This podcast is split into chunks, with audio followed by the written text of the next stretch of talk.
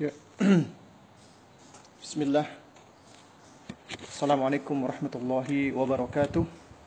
Waalaikumsalam warahmatullahi wabarakatuh. Innal hamdalillah nahmaduhu wa nasta'inuhu wa nastaghfiruhu wa natubu ilayh wa na'udzu billahi min shururi anfusina wa min sayyiati a'malina. May yahdihillah fahuwal muhtad wa man yudlil falan tajida lahu waliyyan murshida. أشهد أن لا إله إلا الله وحده لا شريك له وأشهد أن محمدا عبده ورسوله. لا نبي بعده أما بعد.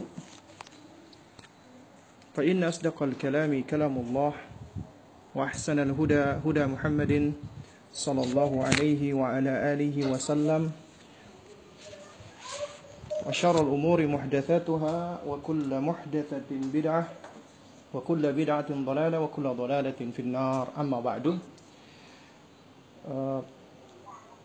Ikhwatal kiram ya jamaah sekalian para ummahat dan juga para aba juga ada kayaknya ya ya kita bersyukur kepada Allah Subhanahu wa taala yang mana di sore hari ini kita diizinkan Allah Azza wa Jalla untuk uh, melanjutkan kajian kita yang mana sebelumnya kita belajar ngaji ya di musallah ya yaitu di uh, sekolahan SD Petunizamiyah ya dan dikarenakan hingga saat ini ya kita masih uh, diuji oleh Allah Subhanahu wa taala dengan adanya wabah Covid-19 ini sehingga kita masih melakukan uh, banyak aktivitas ya, baik itu belajar, bekerja dan yang semisalnya itu kita lakukan secara daring atau online. Dan alhamdulillah ini juga merupakan karunia atau nikmat dari Allah Subhanahu wa taala yang mana dengan adanya uh, teknologi dan juga dengan adanya ya sebagian gawai ataupun gadget yang mana ini asalnya adalah suatu nikmat dari Allah Subhanahu wa taala meskipun nikmat ini bisa menjadi nikmah, ya bencana, musibah, ya apabila manusia mempergunakannya untuk hal-hal yang jelek ataupun yang buruk. Baik, jamaah sekalian yang dimuliakan Allah Subhanahu wa taala ya. Di sore hari ini saya diminta untuk menyampaikan ya materi tentang bagaimana menjadi muslimah yang sukses dunia akhirat. Dan jika kita bicara tentang menjadi muslimah sukses dunia akhirat, maka tentunya ini adalah bahasan yang sangat panjang sebenarnya. Ya, dan juga membutuhkan kesabaran dan membutuhkan uh, upaya atau effort ya bagi kita untuk berusaha menelaah karena agar kita bisa sukses di dunia dan di akhirat ini sebenarnya bukanlah suatu hal yang yang mudah ya.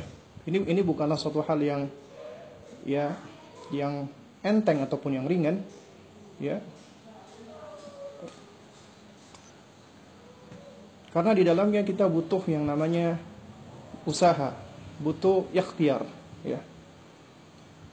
Baik, jamaah sekalian yang dimuliakan Allah Subhanahu wa taala ya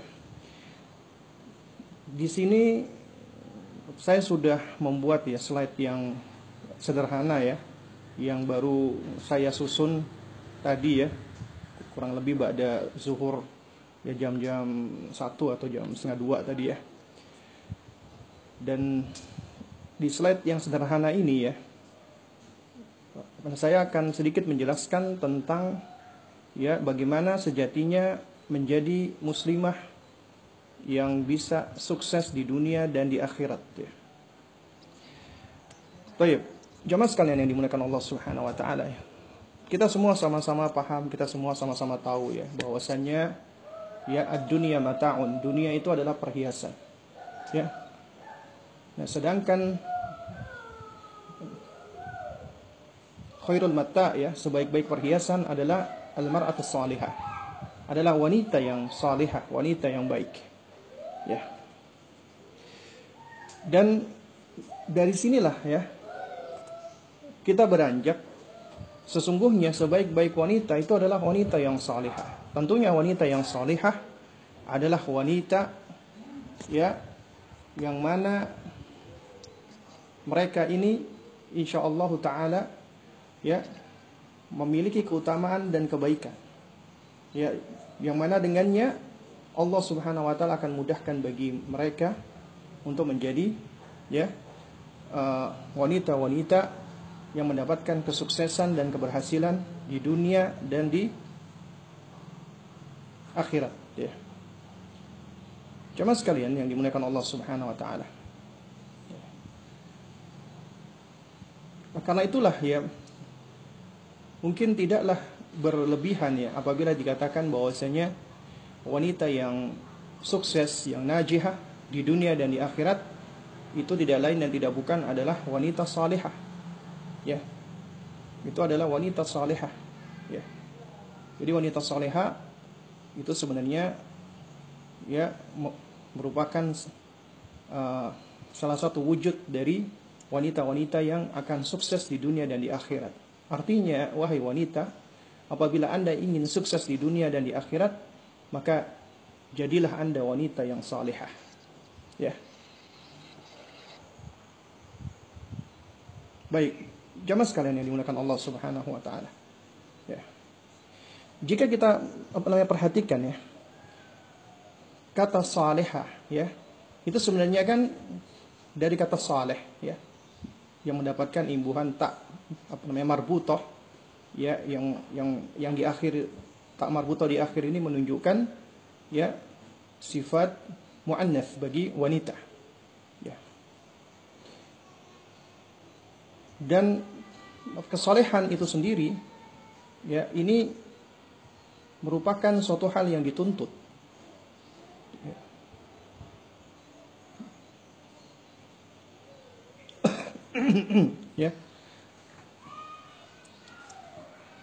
Baik.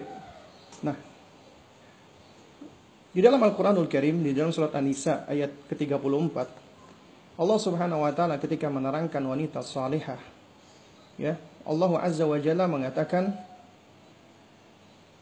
Fas-salihatu qanitatun hafizatun lil ghaibi bima hafizahullah ya hafizallahu ya. Jadi yang dimaksud dengan as-salihat ya, wanita-wanita yang salehah adalah qanitatun. Wanita-wanita qanitat, wanita-wanita yang taat. Ya. Hafizatu lil ghaibi bima hafizallahu. Dan juga wanita-wanita yang hafizat menjaga kehormatannya, menjaga dirinya lil ghaibi. Artinya ketika suaminya tidak bersama dengan dirinya, ketika suaminya tidak bersama atau suaminya tidak ada di sisinya ya bima hafizallahu yaitu lantaran karena Allah menjaga mereka ya nah jadi ini adalah wanita salihah yang Allah sebutkan di dalam surat An-Nisa dan jamaah sekalian yang dimuliakan Allah Subhanahu wa taala di kesempatan ini ya akan izinkan saya untuk menerangkan sejumlah sifat atau karakter wanita-wanita salihah, wanita-wanita yang sukses dunia dan akhirat. Ya. Baik. Sifat wanita salihah yang selamat dunia akhirat ya. Ini sebenarnya ya sifatnya banyak ya. Nah, cuman di sini agar mudah dipahami dan mudah untuk uh, untuk di apa ya, untuk di hafalkan pula ya jadi saya sengaja menyusun dalam bentuk semacam singkatan dari kata salihah, ya, dari kata salihah, ya. Jadi, ya, dari kata salihah ini, ya, ini dalam rangka untuk taisir ya dan tashil, untuk mempermudah saja. Ya, jadi ini adalah untuk mempermudah saja. Jadi jangan dikatakan ini metode cok gali cok ya, bukan beda ya. Ya. Oh, jadi salihah itu artinya gini tidak. Ya, ini adalah metode ataupun cara dalam rangka untuk taisir dan tashil untuk mempermudah. Ya, selama hakikat dan konten atau isi itu tidak tidak berubah ataupun tidak menyelisihi daripada namanya hakikatnya, maka kita boleh sebenarnya ya kita membuat metode-metode dalam rangka ya untuk mempermudah ya. Nah, jadi di sini sengaja saya sebutkan ya ada delapan sifat. Sebenarnya lebih, lebih dari delapan sifat. Nah, cuman di waktu yang singkat ini, insya Allah yang akan saya sampaikan adalah delapan sifat saja. Yang mana delapan sifat ini itu sengaja saya saya ini ya saya saya kaitkan dengan kata salihah. Yaitu yang pertama kata S pertama wanita yang salihah yang selamat dunia akhirat adalah wanita yang senang belajar dan menuntut ilmu. Artinya mereka adalah wanita-wanita apa? Talibatul ilmi. Wanita-wanita penuntut ilmu. Senang belajar. Senang menuntut ilmu. Nanti akan kita bahas ya. Dan pembahasannya akan kita bahas ya, mungkin pendek-pendek saja, ringkas-ringkas saja.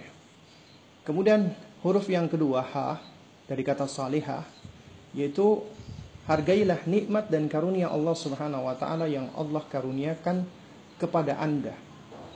Jadilah Anda wanita-wanita yang apa namanya? syakirah yang selalu bersyukur kepada Allah Subhanahu wa taala. Ya, nanti juga akan kita bahas. Kemudian huruf yang ketiga huruf A. Ya, yaitu amalkan dan praktekkan ilmu yang sudah Anda pelajari, yang sudah Anda tuntut tadi.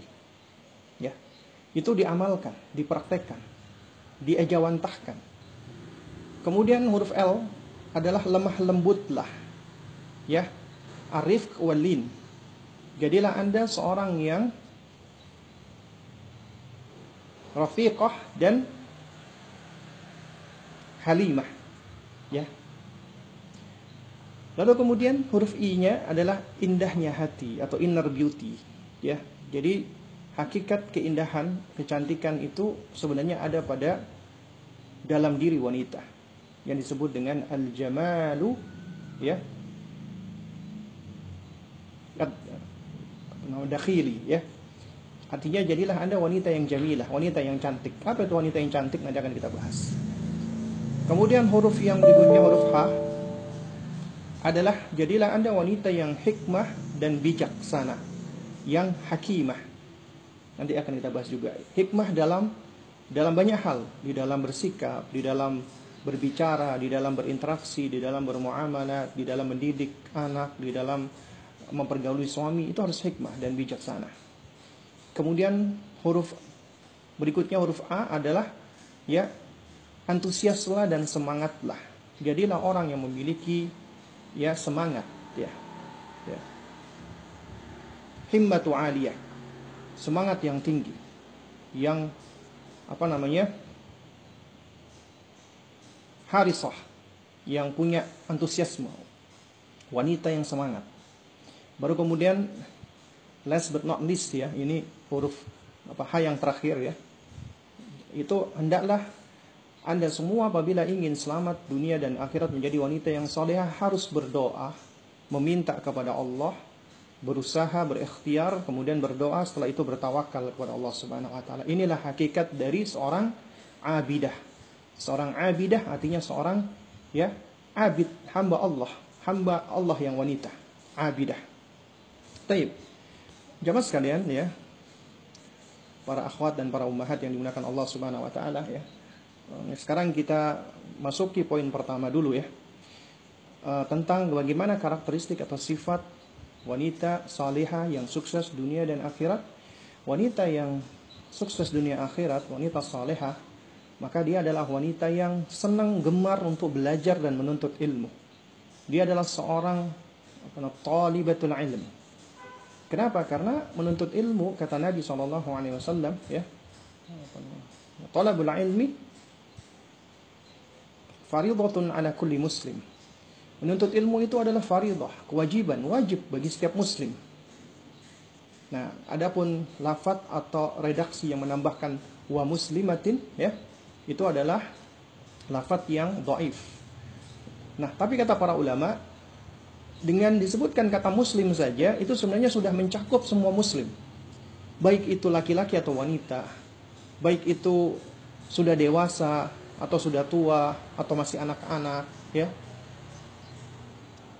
Baik itu ya orang yang apa namanya orang yang memiliki jabatan tinggi ataupun jabatan yang tidak begitu tinggi ya intinya selama dia masuk ke dalam kategori muslim tidak memandang gendernya, tidak memandang jabatannya, tidak memandang kedudukannya, ya. Selama dia muslim maka wajib untuk menuntut ilmu. Wajib untuk belajar. Demikian pula seorang wanita, seorang apa ibu ya, maka dia adalah madrasatul ula, sekolah yang pertama, ya. Sebagaimana tadi yang disebutkan ya oleh host kita tadi ya, di muqaddimah. Bahwasanya apa? Bahwasanya yang namanya an-nisa'u yang namanya wanita itu adalah imad al-bilad pilarnya negara pilarnya negeri. Ya.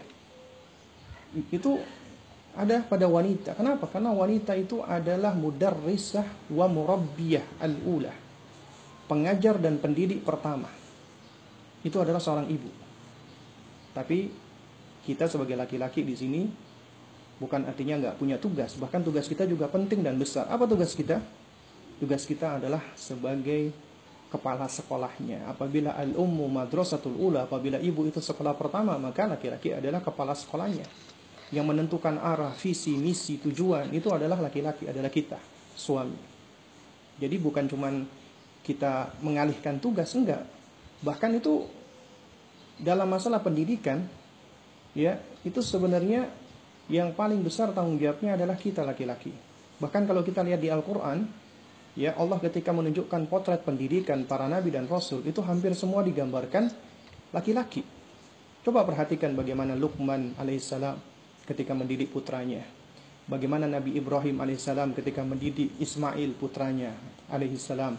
Bagaimana Yakub alaihissalam ketika mendidik putranya Yusuf alaihissalam Bagaimana Nuh alaihissalam yang juga mendakwai putranya yang mana putranya itu tidak mengimani Nabi Nuh alaihissalam hingga dia mati dalam keadaan kafir. Nah, ini menunjukkan bahwasanya Allah menggambarkan ternyata yang paling banyak melakukan aktivitas di antaranya tarbiyah itu adalah pada kita laki-laki. Ya. Namun kita nggak bisa pungkiri ya ikatan atau bonding attachment pertama anak-anak dengan orang tuanya itu adalah tentunya dengan ibunya. Bahkan anak itu bertumbuh ya, berkembang dari semenjak fase janinnya itu di dalam tubuh ibunya sehingga tentunya ikatan attachmentnya lebih kuat. Dan sehingga attachment dan bonding ini menyebabkan bahwasanya wanita itu lebih besar pengaruhnya di fase-fase awal. Sedangkan suami tugasnya adalah memberikan ketenangan, ketentraman, kedamaian dan pendidikan kepada istrinya. Gitu ya. Kita kembali lagi ke slide ya. Soalnya kalau enggak kita bakal panjang lebar nanti bicara. Ya, perlu kita ketahui bersama bahwasanya ya wanita yang senang dengan belajar dan menuntut ilmu karena apa? Karena kalau Anda ingin selamat, sukses di dunia dan di akhirat harus dengan ilmu. Ilmu adalah kunci keberhasilan di dunia dan di akhirat. Ini bukan hadis Nabi SAW ya. Jadi perlu saya sampaikan ya tiga kata yang di bawah ini bukan hadis ya tapi ini adalah semacam idiom ataupun apa namanya proverb ya kalimat hikmah ada yang menyandarkan kepada Sayyidina Ali radhiyallahu taala anhu. Ada yang menyandarkan kepada Sayyidina Umar radhiyallahu taala anhu. Ada yang menyandarkan kepada ya uh, Al Imam Muhammad bin Idris Asy-Syafi'i rahimahullah. Dan ada ada pula yang menyandarkan kepada yang lainnya. Tapi wallahu taala alam bisawab ya. Saya pribadi belum belum ini ya belum uh, belum cross check dan juga belum begitu tahu ini kalimat adalah kalimat yang validnya nisbatnya adalah imma ke apa Sayyidina Ali atau Sayyidina Umar ataukah ke Imam Syafi'i wallahu alam Tapi secara makna maknanya sahih. Secara arti artinya benar. Itu dikatakan man arada dunya fa alaihi bil ilmi Siapa yang pingin dunia dengan ilmu. Anda ingin menjadi seorang insinyur, nggak mungkin Anda nggak sekolah, nggak belajar. Anda ingin menjadi dokter, nggak mungkin Anda bisa jadi dokter kalau Anda nggak sekolah, Anda nggak belajar. Anda ingin menjadi seorang pakar di dalam ilmu pengobatan, ilmu herbal misalnya. Nggak mungkin Anda bisa menjadi pakar dan ahli di dalam bidang herbal apabila Anda tidak pernah belajar. Artinya, ya secara ya aksiomatik apabila Anda menginginkan untuk menjadi sesuatu dan berhasil ya uh, di, di dalam sesuatu itu, Anda harus punya ilmunya. Anda harus punya pengetahuan tentangnya. Ini adalah sesuatu yang sifatnya aksiomatik. Jadi man arada dunia fa'alaihi bil ilmi. Siapa yang pengen dunia, ya pakai ilmu. Ya, makanya orang-orang kafir yang mungkin tampak sukses di dunia itu juga sebenarnya pakai ilmu. Ilmunya ilmu yang sesuai dengan bidangnya. Demikian, demikian pula waman aradal akhirah. Siapa yang pengen akhirat, maka fa'alaihi bil ilmi juga harus dengan ilmu. Ini lebih penting lagi. Pengen akhirat harus dengan ilmu. Nggak bisa Anda ketika Anda mengharapkan akhirat, artinya kebaikan di akhirat, yaitu surga yang Allah, tanpa ilmu. Nggak mungkin bisa. Nanti akan kita singgung di bahasan berikutnya. Nah oleh karena itu dikatakan waman aradahuma siapa yang pengen keduanya, pengen dunia, pengen akhirat, maka fa'alaihi bil ilmi. Harus pakai ilmu. Pengen dunia, pengen akhirat harus dengan ilmu. Dan ini baru hadis. Ya. Ketika Anda ingin menuju ke surga dan surga itu adalah harapan setiap muslim, setiap mukmin, bahkan setiap manusia. Menginginkan agar mereka bisa masuk ke dalam surga. Bahkan visinya seorang muslim, keluarga seorang muslim adalah berkumpul di surga dan menjauh dari neraka.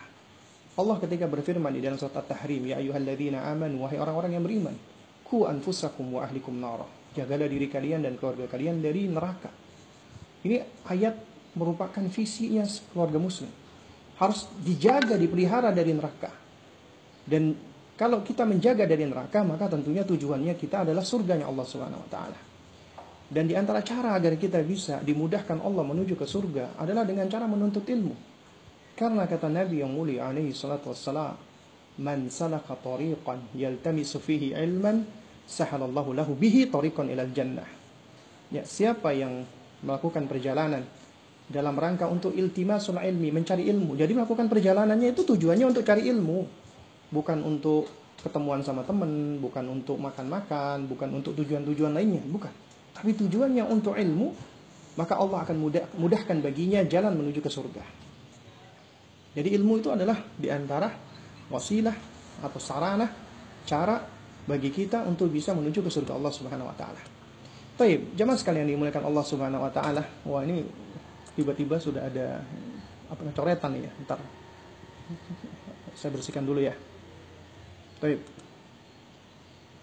Clear. Oke. Okay. Nah, di sini ada sejumlah kunci untuk bisa memperoleh ilmu. Ya. Baik. Dan ini sekali lagi ya jamaah sekalian, ini bukan metode cok gali cok gali cok ya, bukan ya. Bentar ini kok nggak bisa berubah ya. Ya. Jadi sebenarnya ya untuk memperoleh ilmu itu memang ada ada cara-caranya. Nah, di sini ya dari cara-cara yang ada saya sarikan, saya ekstrak ya. Itu menjadi empat, bukan artinya ini empat adalah suatu hal yang mutlak tidak. Ini hanya sebagai uh, apa namanya metode presentasi dari metode-metode apabila Anda ingin mendapatkan ilmu. Dan ini ya apa sekali lagi ya agar mudah dipahami dan mudah dihafalkan maka saya ambil dari kata ilmu itu sendiri. Yang pertama, apabila Anda ingin mendapatkan ilmu, maka Anda harus ikhlas karena Allah. Ya, yabtaghi wajh Allah, mencari wajahnya Allah Subhanahu wa taala. Karena mencari ilmu itu termasuk ibadah. Ya. Karena itu makanya harus karena Allah Subhanahu wa taala. Dan itu yang akan menjadikan ilmu kita bermanfaat.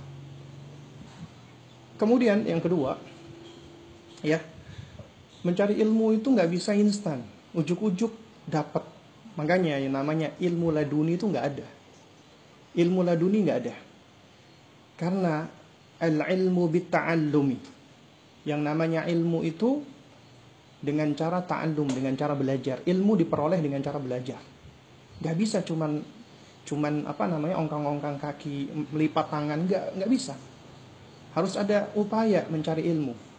Makanya dikatakan an ilmu bita'allumi wal hilmu bitahallumi. Dan hilm sifat hilm halim lemah lembut itu juga dengan cara kita belajar supaya kita bisa lemah lembut. Al hilmu bitahallum nah karena itu makanya gak ada alasan orang yang katanya bawaannya keras kasar. Terus akhirnya orangnya suka marah-marah suka bentak-bentak. Terus dia beralasan ya aneh bawaannya seperti ini aneh tuh memang suka marah nggak bisa Ya memang benar karakter orang beda-beda. Ada karakter orang yang ketika ngomongnya keras. Ada yang karakter orang ngomongnya lemah lembut. Tapi tetap yang namanya kelemah lembutan itu bisa diusahakan. Anda meskipun ngomongnya kencang, ngomongnya keras, ya tetap yang namanya membentak-bentak orang, teriak-teriak itu tetap bukan merupakan perangai yang baik. Nah karena itu ini bisa dilatih dengan cara kita berusaha untuk melatih diri kita.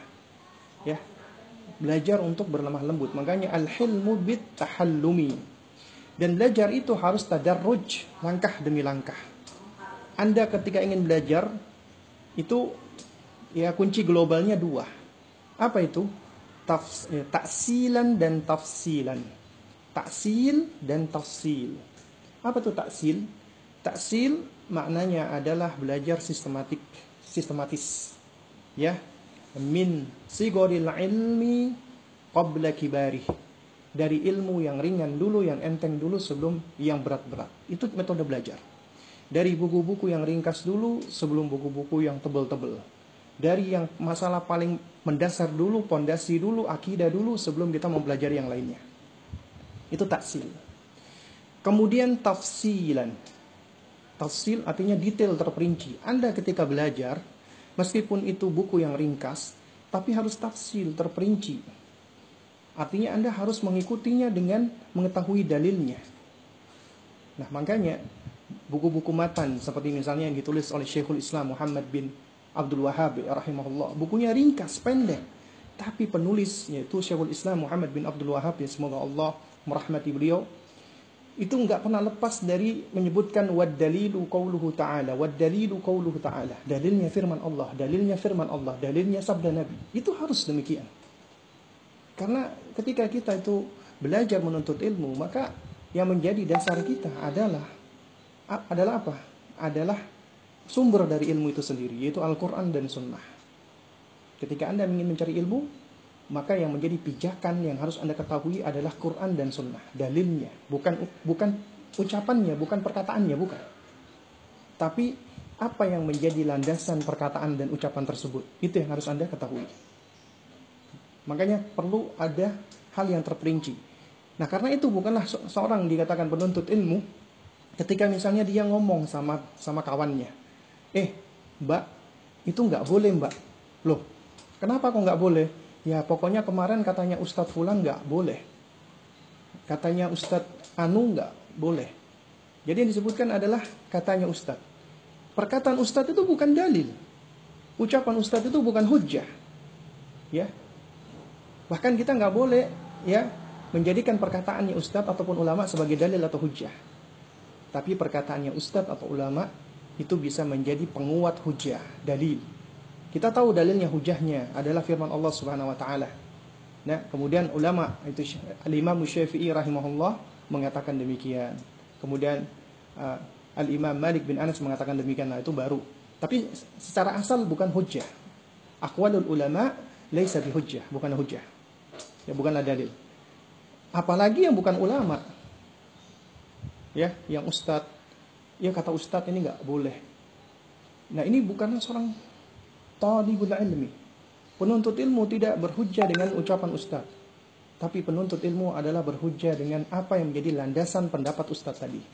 Boleh dia mengatakan kata ustaz fulan ini nggak boleh. Kenapa? Karena ada dalilnya. Dalilnya adalah di dalam Al-Quran. Cuman saya nggak hafal. Sebentar ya. Kita buka. Ternyata kita mencatat. Itu Masya Allah. Itu di antara salah satu cirinya penuntut ilmu. Itu seperti itu. Ya jadi harus tadarruj, ya langkah demi langkah. Anda nggak bisa menguasai semua langsung sekaligus. Ya. Karena apabila Anda ingin menguasai ilmu sekaligus, maka akan hilang semua ilmu seketika itu pula. Ya. Karena Anda nggak akan bisa. Karena itu makanya harus sedikit demi sedikit. Sama ketika Anda lagi kelaparan, Anda kalau kelaparan, Anda makan berlebihan, muntah. Tapi Anda harus makannya pelan-pelan. Agar Anda bisa mencerna makanan tersebut dengan lebih baik lagi. Kemudian yang M adalah memilih guru. Cari guru yang benar, harus selektif. Ini metode manhajnya ahlu sunnah. Ya, metode manhajnya para salaf. Karena dahulu para salaf mengajarkan kepada kita seperti ya Muhammad bin apa Sirin ya. Kemudian Abdullah ibnu al Mubarak ya. Kemudian Imam Malik bin Anas ya. Kemudian juga Imam Yahya bin Ma'in dan yang semisalnya mereka tuh memiliki perkataan yang saling berdekatan maknanya. Apa itu? Al-ilmu huwa din. Ya. Fanduru amman ta'khuduna dinakum. Ilmu itu agama, maka perhatikanlah dari mana kamu mengambil agamamu. Karena itu makanya mencari guru harus selektif. Tentunya Anda harus perhatikan akidahnya pertama kali. Akidahnya, akhlaknya, manhajnya, ya, akhlaknya, perangainya, sifatnya itu harus diperhatikan. Kemudian yang U ya adalah upaya tiada henti. Artinya yang namanya menuntut ilmu dikatakan talabul ilmi minal mahdi ilal lahdi. Menuntut ilmu itu mulai dari buayan semenjak kita bisa belajar sampai kita masuk ke dalam liang lahat. Sampai kita meninggal dunia, ya. Makanya Imam Ahmad dikatakan ila mata sampai kapan Anda itu menuntut ilmu? Ya. Minal mahbara ilal makbarah. Dari semenjak ini, dari semenjak uh, wadahnya tinta, artinya dari semenjak beliau sudah bisa menulis sampai makbarah, sampai di kuburan. Makanya menuntut ilmu belajar itu nggak bisa cuman satu jam, dua jam, sepekan, satu bulan, setahun, nggak bisa. Artinya kita harus tetap terus menuntut ilmu seiring dengan kita bernafas, menghirup nafas, mengembuskan nafas, kita butuh dengan ilmu. Makanya Al-Imam Ibnu Qayyim sampai mengatakan bahwasanya manusia lebih butuh dengan ilmu dibandingkan makan dan minum. Makan dan minum sehari cukup cuman dua kali, tiga kali. Tapi kalau ilmu kita butuh seiring dengan hembusan nafas kita. Hirupan dan hembusan nafas kita. Baik. Nah ini globalnya saja. Bagaimana langkah-langkah agar kita bisa memperoleh ilmu? Pertama niat. Niatkan karena Allah, ikhlas. Anda belajar menuntut ilmu bukan untuk tendensi supaya ya dianggap penuntut ilmu, supaya dianggap orang yang pinter, supaya dianggap orang yang rajin, supaya dipuji manusia, supaya ini, supaya itu tidak. Niatnya karena Allah. Hilangkan kejahilan. Dalam rangka menghilangkan kejahilan. Karena menuntut ilmu termasuk ibadah. Niatkan karena Allah. Kemudian yang kedua doa. Ya, penting doa itu. Kalau kita perhatikan Nabi yang mulia alaihi wasallam itu sering kali mengajarkan kepada kita untuk berdoa. Di antaranya adalah Allahumma inna nas'aluka ya ilman nafi'an wa rizqan tayyiban wa amalan mutaqabbalah. Ya Allah kami memohon kepadamu ilmu yang bermanfaat. Artinya ternyata ada ilmu yang tidak bermanfaat. Karena di dalam doa yang lain Nabi mengajarkan kita untuk berlindung ya min ilmin la yanfa dari ilmu yang tidak ber, yang tidak bermanfaat.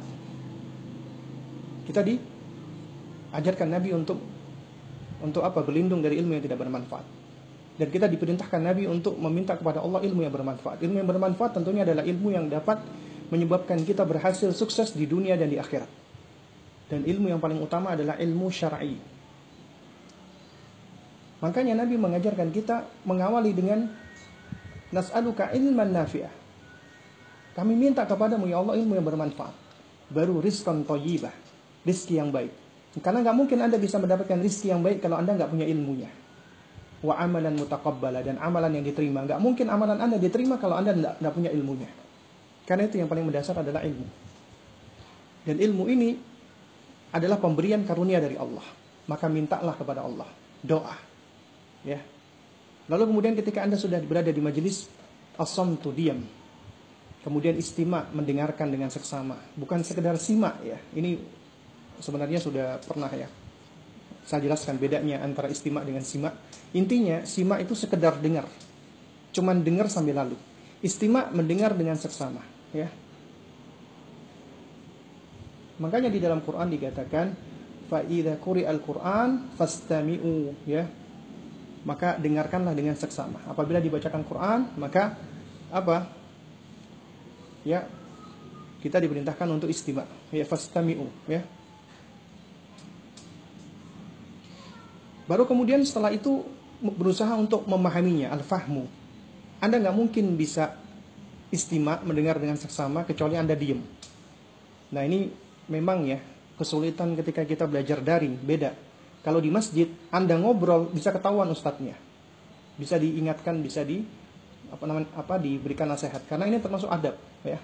Tapi kalau di, lagi online gini, orang bisa bebas mau ngaji apa mau belajarnya sambil di atas kasur, sambil makan, sambil nyamil, kadang-kadang sambil di sambil main game dan semisalnya. Itu ada yang seperti itu.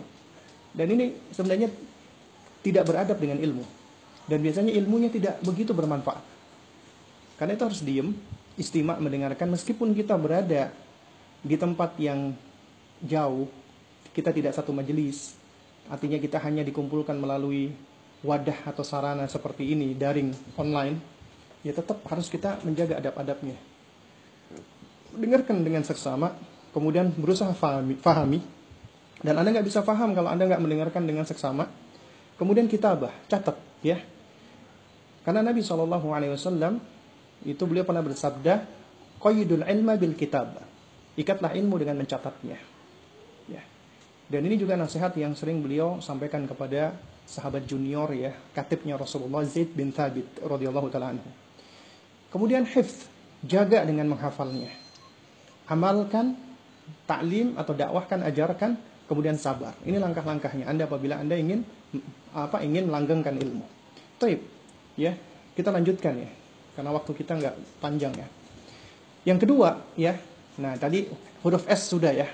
Yaitu semangat untuk menuntut ilmu. Jadilah seorang talibatul ilmi. Ya seorang penuntut ilmu. Maka yang kedua sekarang jadilah seorang syakirah. Orang yang selalu bersyukur kepada Allah. Caranya hargai karunia dan pemberian Allah Subhanahu wa taala. Karunia dan nikmat Allah itu banyak sekali. Ya dan nikmat Allah banyak sekali. Ya. Itu setidaknya ya kata para ulama ketika diklasifikasi nikmat itu ada tiga Pertama adalah nikmat kubroh. An-ni'matul kubroh. Nikmat yang paling besar. Apa itu? Nikmat yang paling besar di dunia. Dan insya Allah juga akan membawa kenikmatan hingga di akhirat nanti. Yaitu nikmat iman, nikmat Islam, nikmat taufik, nikmat hidayah. Ini nikmat yang paling besar. Tidak ada satupun nikmat di muka bumi ini melebihi daripada nikmat ini. Nikmat iman, nikmat Islam, nikmat taufik, nikmat hidayah. Kenapa? Karena apabila Allah karuniakan kepada Anda nikmat ini, nikmat iman, nikmat Islam, nikmat taufik, nikmat hidayah, Anda akan menjadi orang yang paling tenang di muka bumi ini. Akan Anda akan menjadi orang yang paling tentram di muka bumi ini. Anda akan menjadi orang yang paling damai di muka bumi ini. Karena kunci Anda mendapatkan ketenangan, ketentraman, kedamaian adalah dengan iman dan Islam. Anda nggak akan mendapatkan keamanan kecuali dengan keimanan. Makanya al-amanu ba'dal iman wal imanu qoblal aman. Yang namanya keamanan itu diperoleh setelah keimanan, setelah Anda mengimani. Anda akan akan aman, akan tenang. Kalau Anda nggak beriman, Anda nggak akan mendapatkan ketenangan, ketentraman. Tidak mungkin, mustahil, nggak akan. Anda nggak punya keimanan kepada Allah, nggak akan mendapatkan ketenangan. Yang ada kegalauan. Tapi Ustaz, saya ini sudah beriman, tapi kenapa kok saya masih galau? Al imanu yazidu wa yankus. Iman itu memang bisa bertambah dan berkurang. Yazidu ta'ati akan bertambah dengan ketaatan. Wayan kusubil ma'asi akan berkurang dengan kemaksiatan. Ketika kita gundah gulana, gelisah, itu berarti ada sesuatu. Keimanan kita sedang menurun. Karena orang yang imannya ya dalam kondisi yang prima, dia akan yakin akan keadilan Allah. Yakin akan pertolongan Allah. Yakin akan kesempurnaan Allah yakin akan pengetahuan Allah, yakin semuanya dari Allah. Dia akan mendapatkan ketenangan, ketentraman dan kedamaian. Kemudian ada nikmat sugroh, nikmat kecil. Kenapa dikatakan nikmat kecil? Karena ini nikmat ya sejatinya bisa menjadi ujian, bisa menjadi fitnah, bahkan bisa menjadi musuh. Dan nikmat yang bisa melalaikan. Nikmat anak, nikmat harta, nikmat sehat, nikmat waktu, nikmat suami ini sering kali dilalaikan. Ya nikmat ini, nikmat ini. Tapi ini semua tetap adalah kenikmatan dari Allah Subhanahu wa taala. Tapi ternyata kenikmatan itu juga ujian. Ya, ujian dari Allah. Karunia itu juga ujian dari Allah Subhanahu wa taala.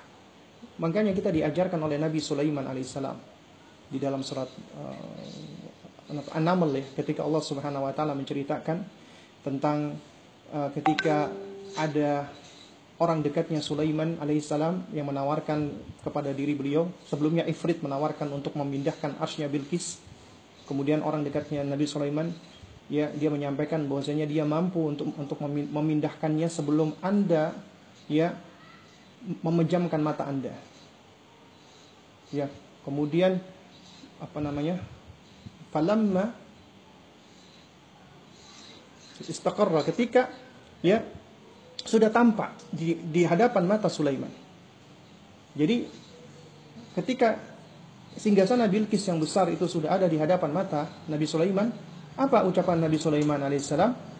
Beliau mengatakan, "Hadza min fadli Rabbi." Ini adalah karunia nikmat dari Rabbku diakui nikmat dari Allah. Tahaddus. Antara kan kita kita sebutkan di antara apa rukunnya syukur. Hada min fadli Rabbi. Akan tetapi di, ternyata di situ ujian. Ya. Dia berluani untuk menguji aku kata Nabi Sulaiman. Ashkuru am akfur? Apakah aku bersyukur ataukah aku malah kufur kepada Allah? Hada min fadli Rabbi liyabluwani ashkuru am akfur.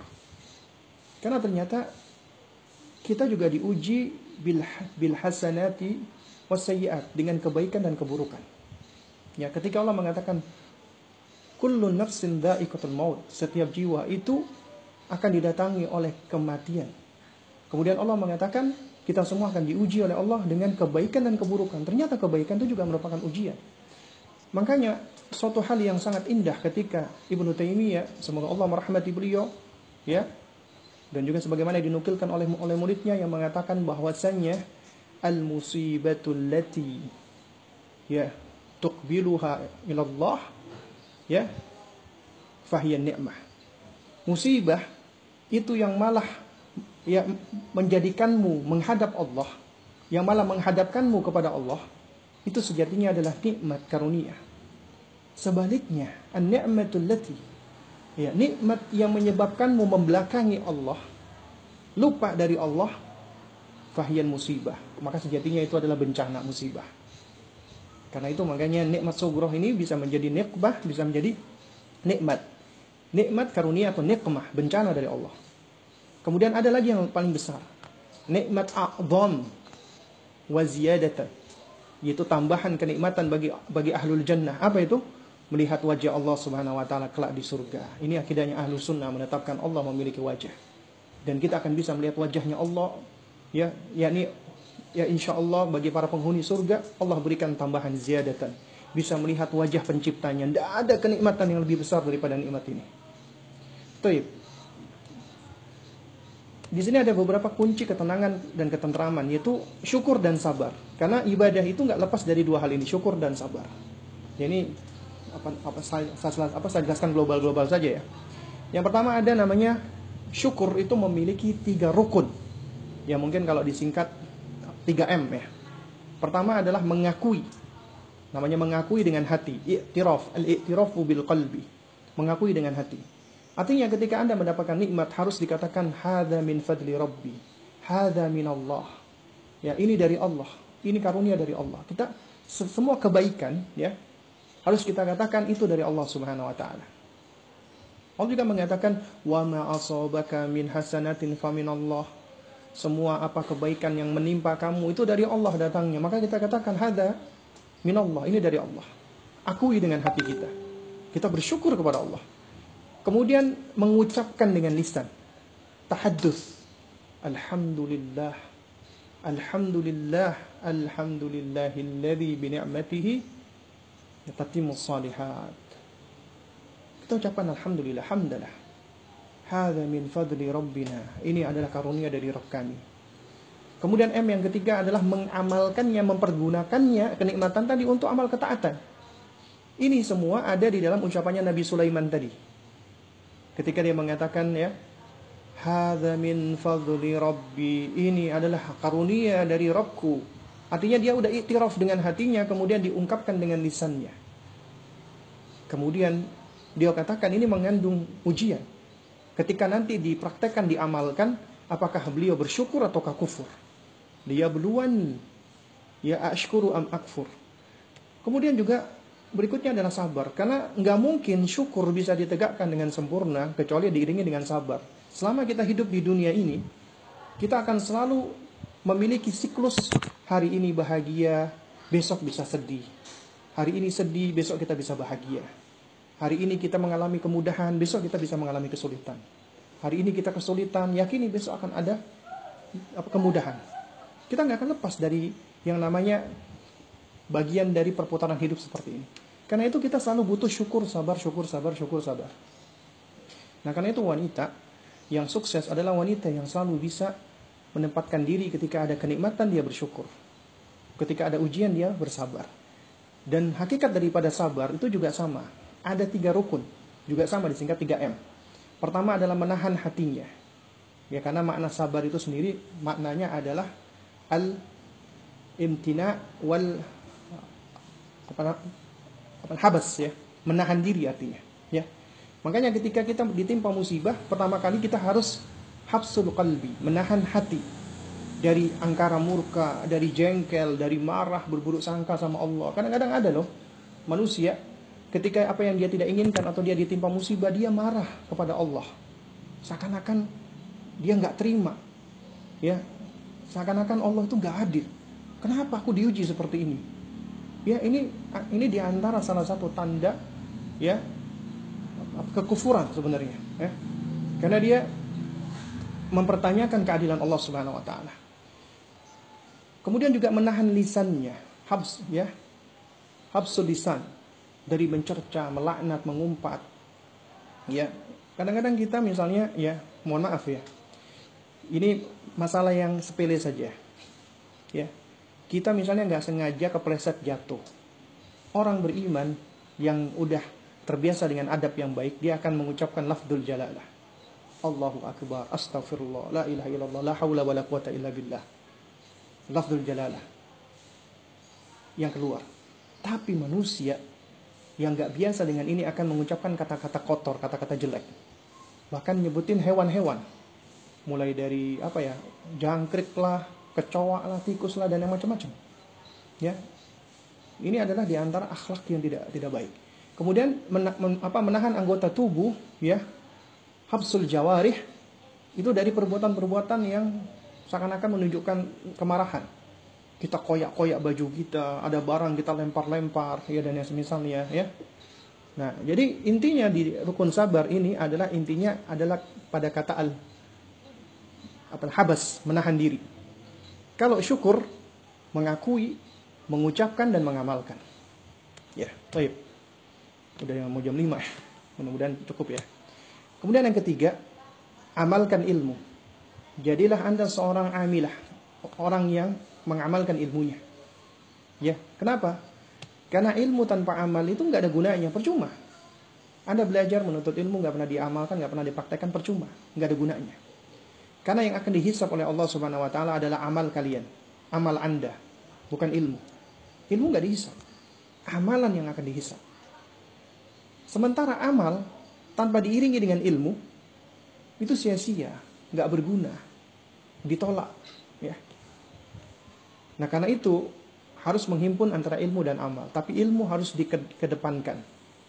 Al ilmu qabla al qawli wal amal. Ilmu sebelum ngomong, sebelum berbuat. Ilmu sebelum amal. Kemudian setelah melangkahkan ilmu dulu, baru kemudian amal mengikutinya. Artinya ilmu dan amal itu kal qadamain kata Syekh Saleh ya al apa namanya Usaimi hafizahullah taala. Al ilmu wal amali kal qadamain. Ilmu dan amal itu seperti dua telapak kaki. Tapi tetap dahulukan langkah kanan dulu, langkah ilmu dulu. Kemudian baru langkah amal ya akan mengikuti. Langkah ilmu melangkah, langkah amal ikuti. Jadi demikian. Itu yang harus yang harus dilakukan. Jadi kita nggak nggak apa ya, nggak berjalan dengan hanya satu kaki atau kita melompat, ya.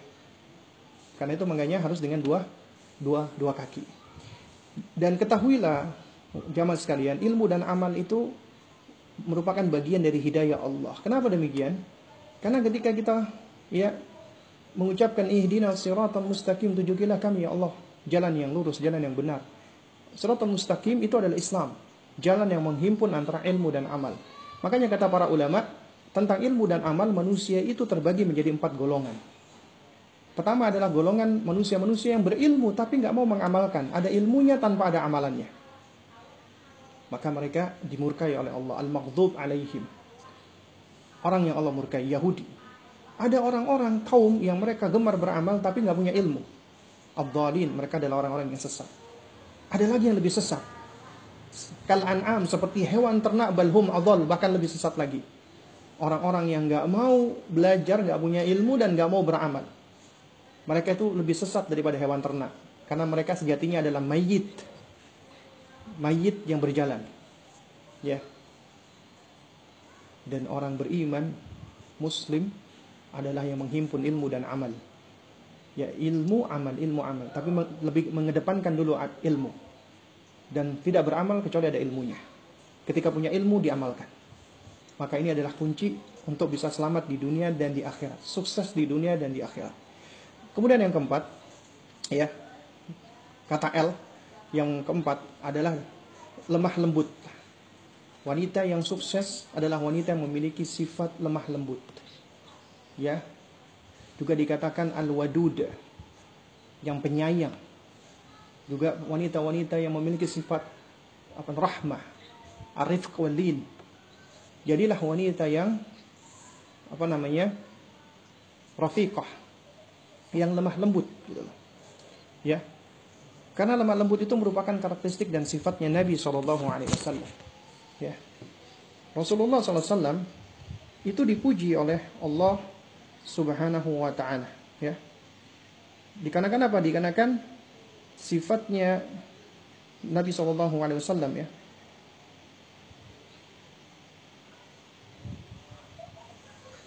Ya. Nah, jemaah sekalian yang menggunakan Allah Subhanahu wa taala. Ya. Di dalam surat ya Bentar ya.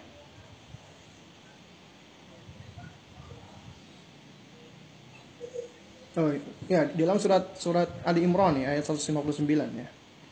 Allah Subhanahu wa taala memuji nabi kita yang mulia alaihi salatu wassalam. Ya. Allah Subhanahu wa taala mengatakan apa? Fabima rahmatin minallahi linta lahum.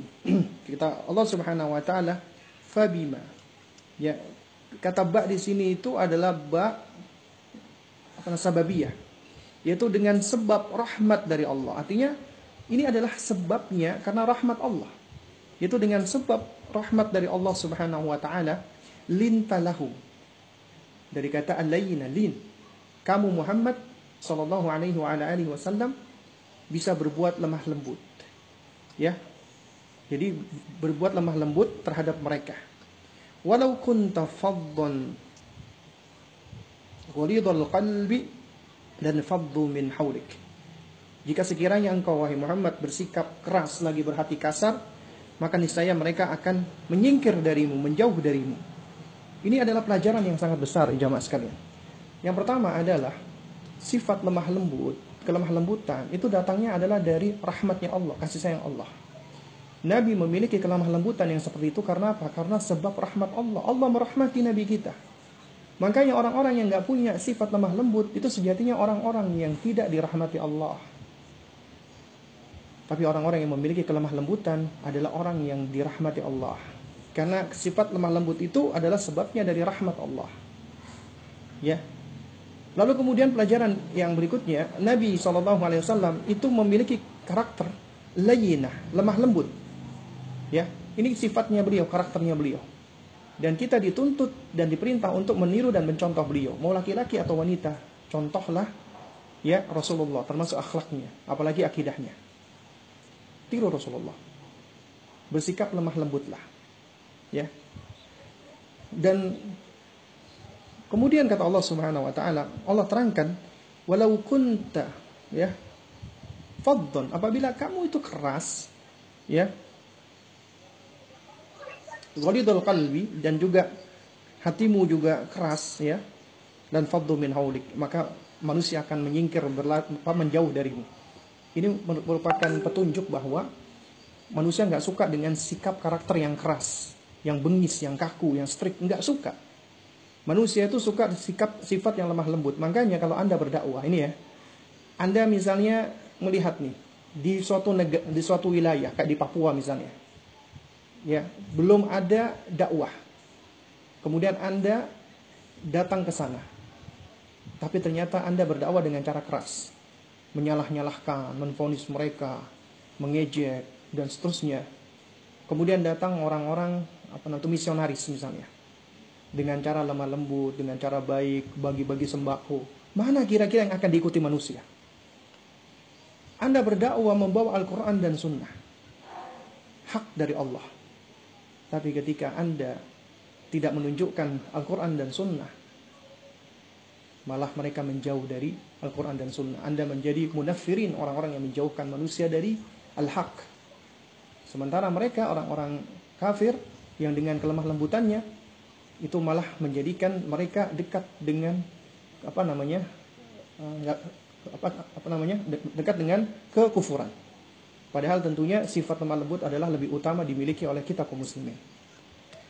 Apalagi wanita harus lemah lembut, ya. Dan Allah itu adalah ar-rafiqah. Yuhib rifqa, mencintai kelemah lembutan. Innallaha ar-rafiqah. Allah itu adalah maha lemah lembut. Yuhib rifqa. Ya, dan dan kelemah lembutan apabila ya ada pada sesuatu zanahu akan menghiasnya.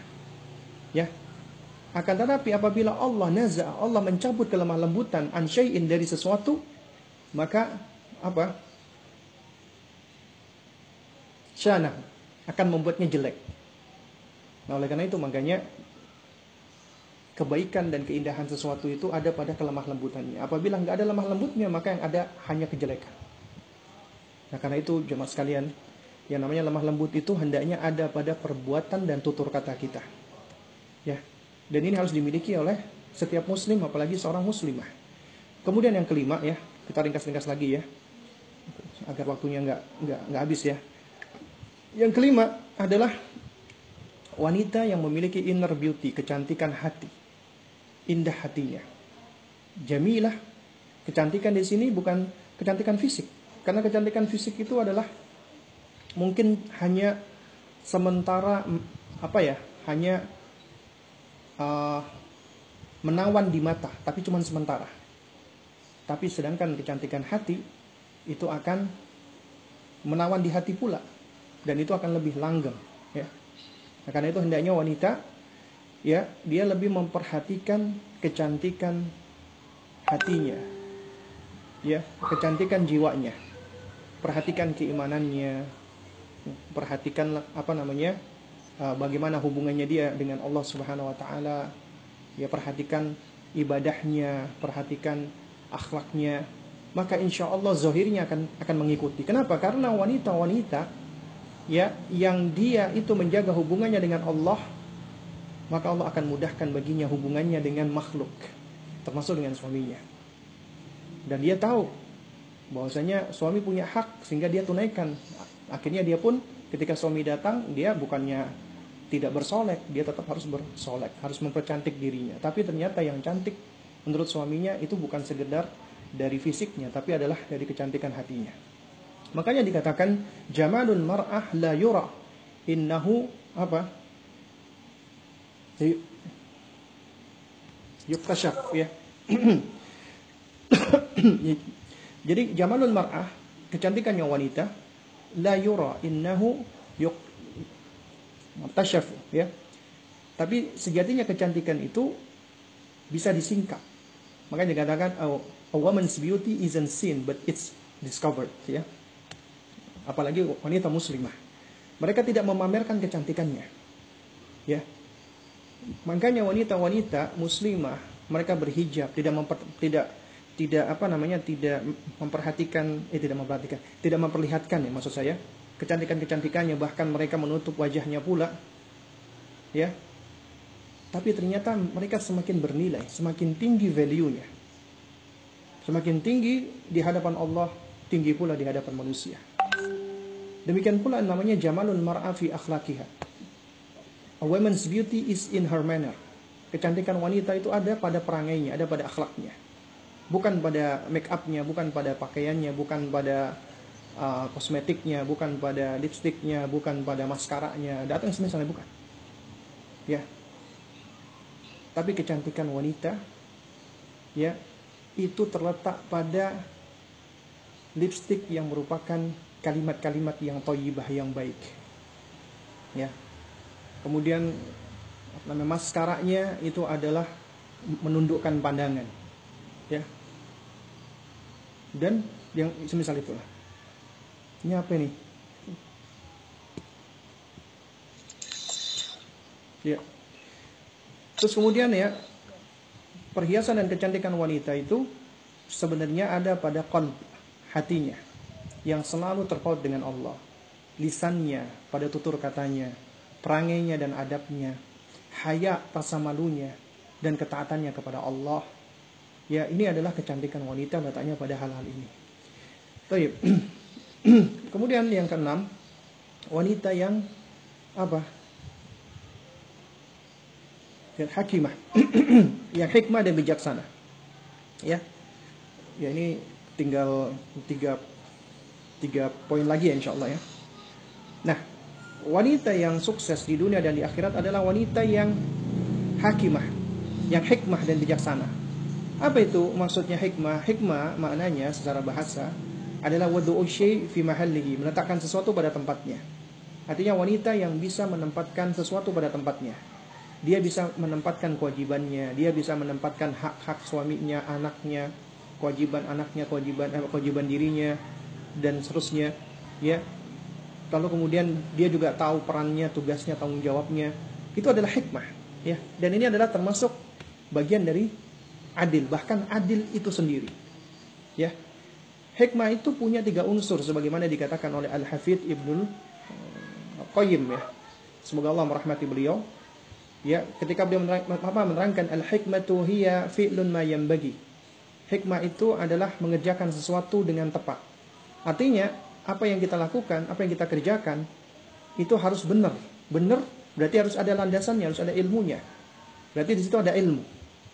Ya, ala wajhil ladzi bagi yaitu dengan cara dengan metode yang sesuai. Artinya di situ ada metodenya, ada caranya, ada manhajnya, ada kurikulumnya. Itu hikmah. Artinya ketika Anda melakukan sesuatu harus ada cara-caranya, harus ada metodenya, enggak enggak enggak serampangan, enggak sembarangan. Ya, fi waqtil ladzi bagi Ya, juga di momen atau di waktunya yang tepat.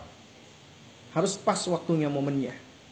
Nah, makanya ya itu alangkah benar yang mengatakan bahwasanya ya apa namanya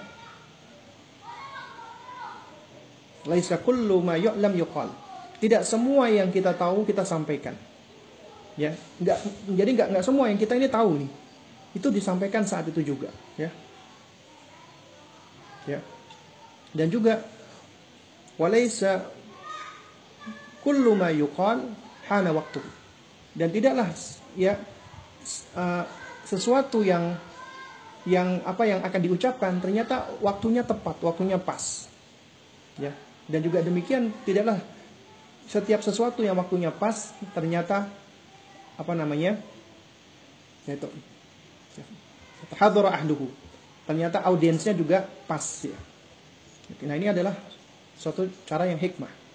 Nah, juga hikmah itu adalah i'ta'u syai' bihasabi hajatihi wa hukukihi yaitu kita memberikan sesuatu sesuai dengan kebutuhan dan hak-haknya itu adalah hikmah Taib.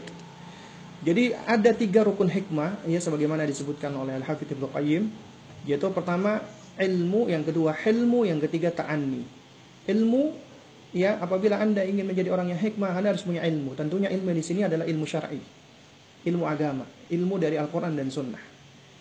Kemudian juga agar bisa menjadi orang yang hakim, yang hikmah, harus memiliki ilmu, yaitu lemah lembut dan santun. Yang dimaksud dengan santun di sini, ilmu di sini kata Syekh Utsaimin adalah orang yang bisa menjaga emosinya, menjaga apa kemarahannya. Artinya dia mampu untuk memanage emosinya. Nggak mudah marah, nggak mudah ngomel, nggak mudah uh, mengekspresikan kemarahan dengan ucapan-ucapan, perkataan-perkataan, apalagi dengan apa namanya perbuatan-perbuatan. Dia mampu untuk menahan dirinya.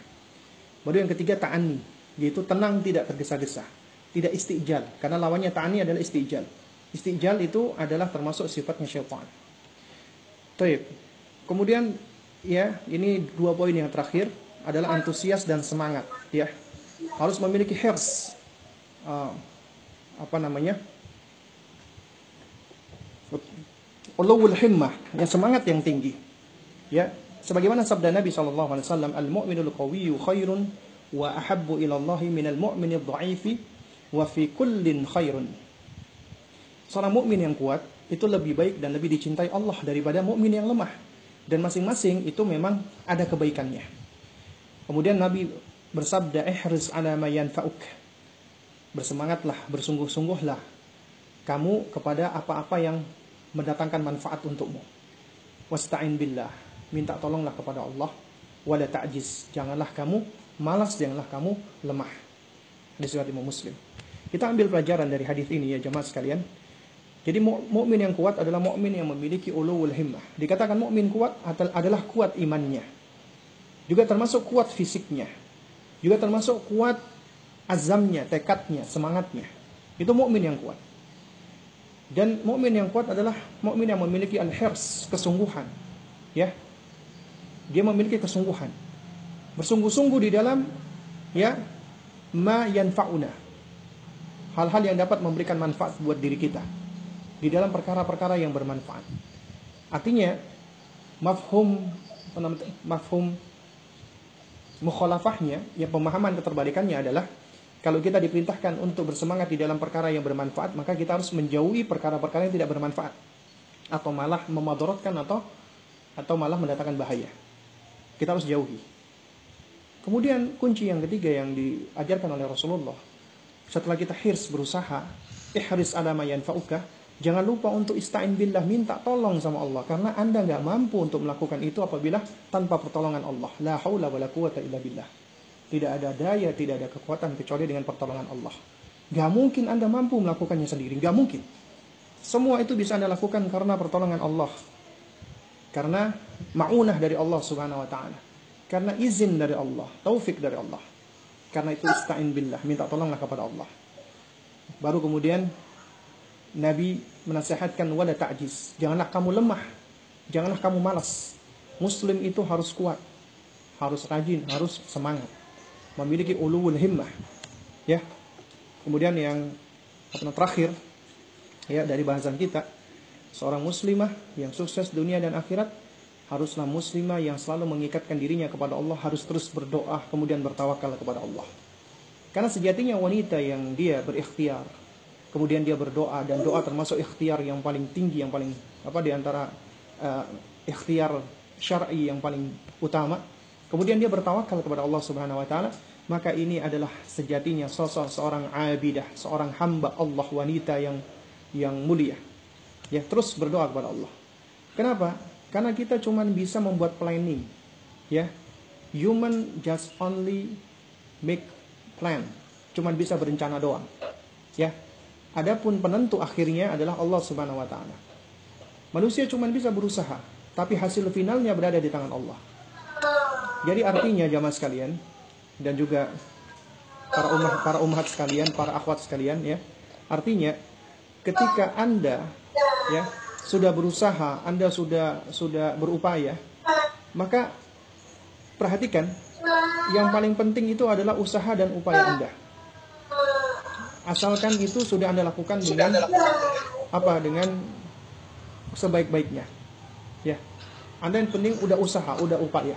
Selebihnya serahkan kepada Allah. Ikhtiar kemudian tawakal. Jangan lupa doa. Dan doa merupakan senjata pamungkas orang beriman. Ya, doa silahul mukmin, senjatanya orang beriman. Dan kata Nabi ketika seorang berdoa maka nggak akan lepas dari tiga hal. Apa yang pertama adalah an apa namanya? tuajjala lahu da'watuhu, ya. Yaitu Allah akan segera kabulkan doanya. Kemudian wa an yadkhiraha lahu fil akhirah. Atau yang kedua, kalau nggak Allah segerakan ya dikabulkan di uh, dunia maka Allah simpan baginya sebagai harta harta simpanan sebagai simpanan baginya nanti di yaumil akhir. Atau yang ketiga an yasrifa anhu minasu Allah palingkan darinya keburukan. Kalau anda berdoa nggak akan lepas dari tiga hal ini. Karena itu jangan pernah berburuk sangka dengan Allah. Ustaz saya ini berdoa dari tiga tahun yang lalu belum dikabul-kabulkan oleh Allah ketahuilah Ketika Anda berdoa meminta kepada Allah, doa uhwal ibadah. Doa itu ibadah. Ketika Anda beribadah, Anda dapat pahala dari Allah. Lalu kemudian yang kedua, ketika Anda meminta belum dikabulkan oleh Allah, bisa jadi Allah hendak menyimpannya untuk Anda di yaumil akhir. Atau Allah hendak memalingkan Anda dari keburukan. Kenapa? Bisa jadi ketika dikabulkan oleh Allah, Anda malah mempergunakan hal tersebut untuk kemaksiatan untuk keburukan, semakin bencana, musibah, atau malah memalingkan Anda dari Allah. Atau minimal tadinya Anda suka berdoa, tiba-tiba Anda sudah nggak berdoa lagi. Kenapa? Karena keinginannya sudah dipenuhi. Makanya ketika Anda berdoa kepada Allah, ya imma antu ajala laka da ya laka dakwatuka. Ya, Allah akan kabulkan, Allah akan segerakan pengabulan doamu. Ya atau an yaddakhiraha laka fil akhirah. Atau Allah simpankan bagimu. Allah simpan itu doa-doamu itu nanti di akhirat. Allah balas di akhirat. Allah kumpulkan dan Allah balas nanti di akhirat. Ini adalah nikmat yang lebih besar. Au wa an yasrifa anka minasu atau Allah palingkan darimu keburukan-keburukan ini penting sekali perlu kita pahami dan doa adalah salah satu sarana syar'i seorang hamba apabila dia ingin curhat, ingin ngomong, ya ada me time-nya dia, dia ingin meng, apa mempergunakan me time yang paling berkualitas adalah curhat dengan Allah. Dan yang terakhir jamaah sekalian, curhatlah kepada Allah. Ya, karena para nabi pun juga curhatnya kepada Allah Subhanahu wa taala. Nabi Nuh alaihissalam beliau berdakwah siang dan malam 950 tahun beliau ya beliau menyeru kaumnya ya. Ini da'autu qaumi laila wa nahara. Aku menyeru kaumku pagi siang ya uh, malam dan siang ya. Apa namanya? Tetapi apa? Apa namanya? Uh, ternyata kaumnya tidak ada yang menerima dakwahnya kecuali hanya sedikit saja Beliau curhatnya kepada Allah. Ya. Lalu kemudian juga apa namanya? Ini ya kebalik ya. Jadi yang yang Nabi Nuh alaihissalam itu yang yang nomor dua ya. Qala rabbi inni da'autu qaumi laylaw wa ya. Falam yazidhum du'ai illa firarah ya dan tidak menambah bagi mereka dakwahku tadi malah mereka semakin lari dari kebenaran. Kemudian yang atas itu doanya Nabi Yakub ya. Ketika beliau ya lagi jengkel sama anak-anaknya ya. Kemudian beliau mengatakan qala innama ashku bathi wa huzni ila Allah. Ya Yakub mengatakan ya sungguh hanya kepada Allah aku akan mengadukan kesusahanku dan kesedihanku, tidak curhat kepada lainnya, curhatnya kepada Allah. Demikian pula Nabi Yunus alaihissalam ya yang disebut Allah di dalam surat Al-Anbiya ayat 87 ya. Wa nuni idh dhahaba mughadiban ya. Ingatlah ketika kisahnya Nabi Nabi Dhunnun atau Nabi Yunus yang dia dalam kondisi marah ya. Ya. Jadi beliau marah dengan kaumnya ya. Anlan naqdir alaihi ya lalu, menyangka bahwasanya kami tidak akan ya tidak akan menyulitkannya gitu loh ya. Fanada dhulumat. Kemudian dia menyeru di dalam apa namanya kegelapan. Yaitu ketika beliau ya uh, ketika diundi ketika di atas kapal kemudian beliau yang harus dilempar di laut kemudian dimakan oleh oleh haut ya oleh oleh ikan paus kemudian di dalam ikan paus tubuh ikan paus beliau masih hidup. Dan kemudian beliau nada fi dhulumat beliau menyeru di dalam kegelapan perut ikan paus tadi ya. Beliau berdoa apa? Alla ilaha illa anta subhanaka inni kuntu minadh dhalimin. La ilaha illa anta subhanaka inni kuntu minadh dhalimin. Ya wahai Rabb kami tidak ada ilah yang hak kecuali engkau. Ya maha suci engkau sesungguhnya aku termasuk orang-orang yang zalim. Ya wallahu taala alam bisawab ya. Jadi, alhamdulillahilladzi bi ni'matihi tatimmus salihat ya. Jadi ini yang dapat saya sampaikan tentang kajian kita di sore hari ini yaitu tentang menjadi muslimah sukses dunia akhirat ya. Yang mana saya apa namanya saya sarikan ya ataupun saya buat ringkas dari karakter-karakter muslimah ya itu kurang lebih ada delapan ya yang yang dikaitkan dengan kata salihah itu sendiri ya. Baik mudah-mudahan yang sedikit ini bisa memberikan manfaatnya ya. Dan mungkin ini yang dapat saya sampaikan. Uh, mungkin masih ada waktu ya, kurang lebih 10-15 menit bagi yang ingin bertanya jawab.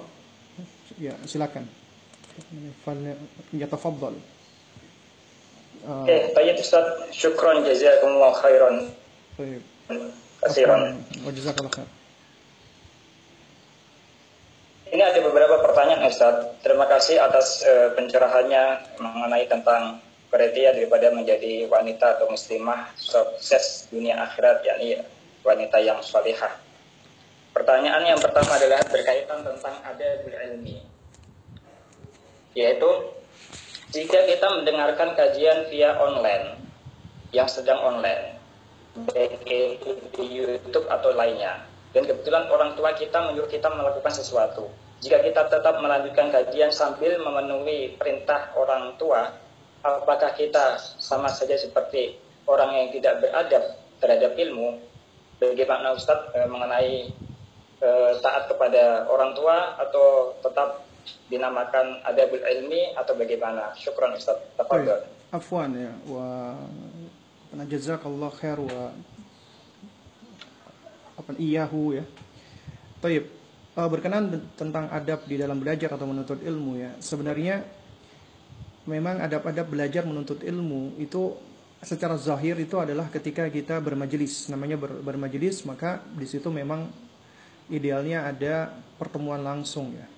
Uh, tatap muka sebenarnya. Ya. Dan ini juga yang disebutkan di dalam sejumlah hadis ya, seperti misalnya hadis Nabi Shallallahu alaihi wasallam ya Wa majtama'a qaumun fi baitin min buyutillah ya. Tidaklah suatu kaum berkumpul di salah satu rumah-rumah Allah. Nah, di sini dengan tegas Nabi mengatakan fi baitin min buyutillah. Ya, lalu kemudian juga ya di dalam hadis yang lain ya, Nabi SAW pernah bersabda kepada para sahabatnya ya, "Idza marartum bi apa riyadil jannah farda'u." Ya, apabila kalian melewati taman-taman surga maka singgahlah. Ya. Nah, Nabi SAW itu menerangkan yang dimaksud dengan taman-taman surga itu adalah apa? Yang dimaksud dengan taman-taman surga itu adalah uh, apa nah halaqah halaqah zikir. Maksudnya halaqah zikir di sini adalah halaqah ilmu. Ya. Karena makna zikir di sini adalah maknanya adalah adalah ilmu. Nah, jadi memang ada poin-poin yang secara zahir berbeda ya antara majelis langsung dengan tidak langsung. Itu poin pertama. Tapi poin yang apa kedua ya uh, juga merupakan bagian adab dan memuliakan ilmu dan dan dan apa namanya termasuk apa namanya ahli ilmu adalah ketika ada seorang syekh atau ulama atau bahkan juga mungkin seorang ustadz atau penuntut ilmu ketika dia menyampaikan Al-Quran dan hadis atau dia menukilkan akwalul uh, ulama termasuk apa namanya uh, ketika sedang membahas sejumlah ilmu, maka ya karena yang disampaikan itu adalah al khair kebaikan, maka kita pun tetap harus beradab.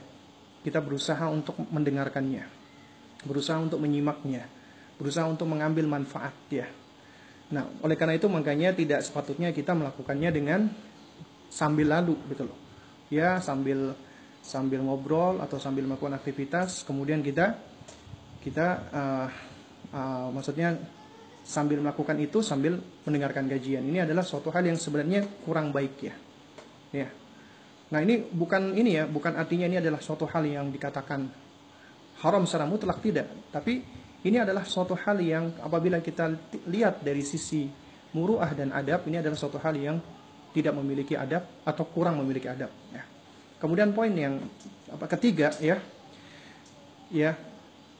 Nah, misalnya kita sedang ikut kajian online ini kajian online. Kajian online itu ada dua ya, live dan tidak live. Kalau tidak live tentunya lebih fleksibel ya. Misalnya kajian yang, yang ada di YouTube kita bisa pause ya, kita bisa pause. Kemudian ada hajat dipanggil orang tua kita, maka hendaknya kita memenuhi panggilan orang tua kita ya. Baru kemudian kita balik lagi ya.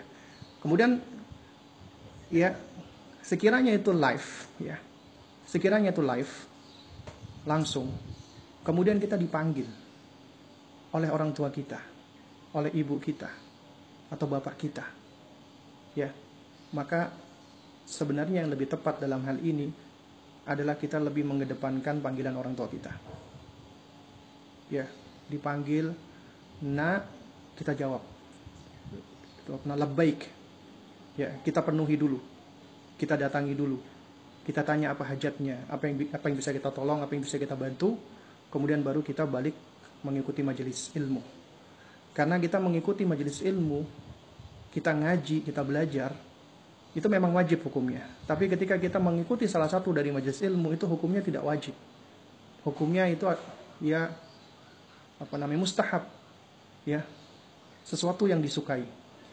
Adapun berbakti kepada orang tua ya, kemudian kita apa namanya di antara bentuk bakti itu adalah ketika dipanggil kita menjawab kemudian ketika kita apa namanya uh, diperintah selama itu dalam hal-hal yang tidak maksiat maka hendaknya kita penuhi.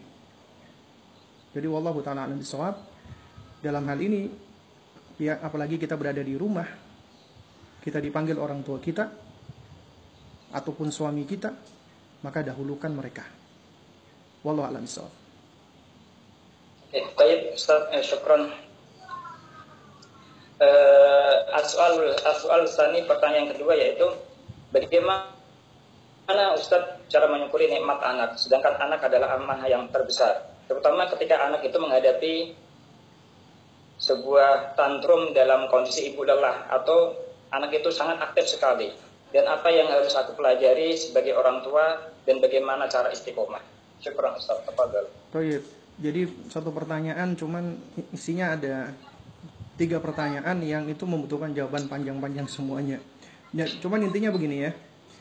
Uh, anak itu adalah karunia dari Allah Subhanahu wa taala, juga termasuk amanat dari Allah. Ya. Karunia harus disyukuri. Nah, cara mensyukurinya adalah dengan cara kita ya memperhatikan, memperlakukan dan mendidik, menjaga, memelihara, mengasuh dengan sebaik-baiknya. Menumbuh kembangkan dengan sebaik-baiknya.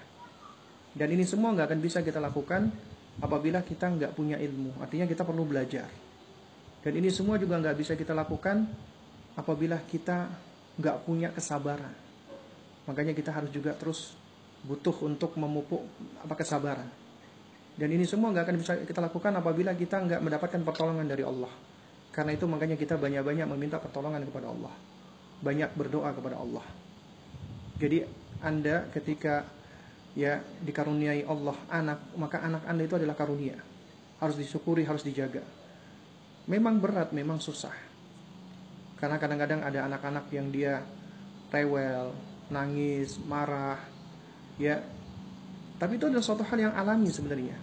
Suatu hal yang normal, ya jadi anak-anak melakukan seperti itu, itu sebenarnya apa? Itu sebenarnya karena mereka ingin diperhatikan, mereka ingin diakui, ya.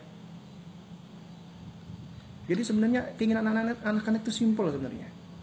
Mereka tuh nggak ada keinginan-keinginan yang muluk-muluk nggak ada. Keinginan mereka itu apa? Yang paling besar, apalagi anak usia dini, mereka tuh cuman ingin diperhatikan, dilihat, dan diakui keberadaan mereka. Cuman kita sebagai orang tua saja yang banyak nggak tahu caranya. Karena itu makanya kita harus belajar. Ya. Dan juga yang nggak kalah penting adalah ketika Anda mendidik anak Anda, sejatinya Anda juga sedang mendidik diri Anda sendiri. Kenapa? Karena ketika kita mendidik anak kita, maka kita harus mengawali dengan mendidik diri kita terlebih dahulu. Dan ketika kita menyampaikan sesuatu kepada anak kita, maka sesuatu itu adalah perkara yang kita berusaha untuk melakukannya terlebih dahulu. Artinya, ketika kita mengajarkan, misalnya mengajarkan adab, kita berusaha agar kita terlebih dahulu yang yang apa? Yang yang mengamalkannya. Nah, jadi jamaah sekalian yang dimuliakan Allah Subhanahu wa taala. Ya.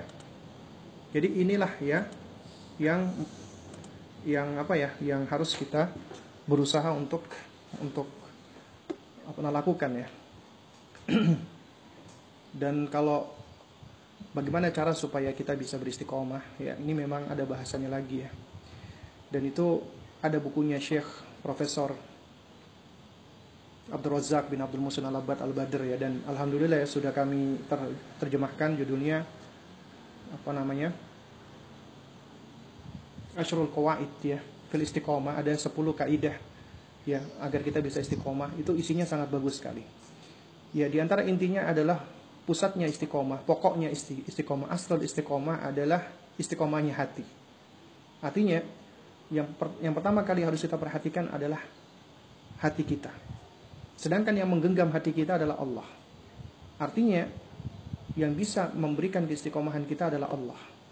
Karena itu makanya harus kita dahulukan, kita banyak-banyak meminta kepada Allah agar Allah karuniakan kepada kita keistiqomahan. Ini di antara hikmah kita minta 17 kali minimal sehari kita mengucapkan ihdinas siratal mustaqim.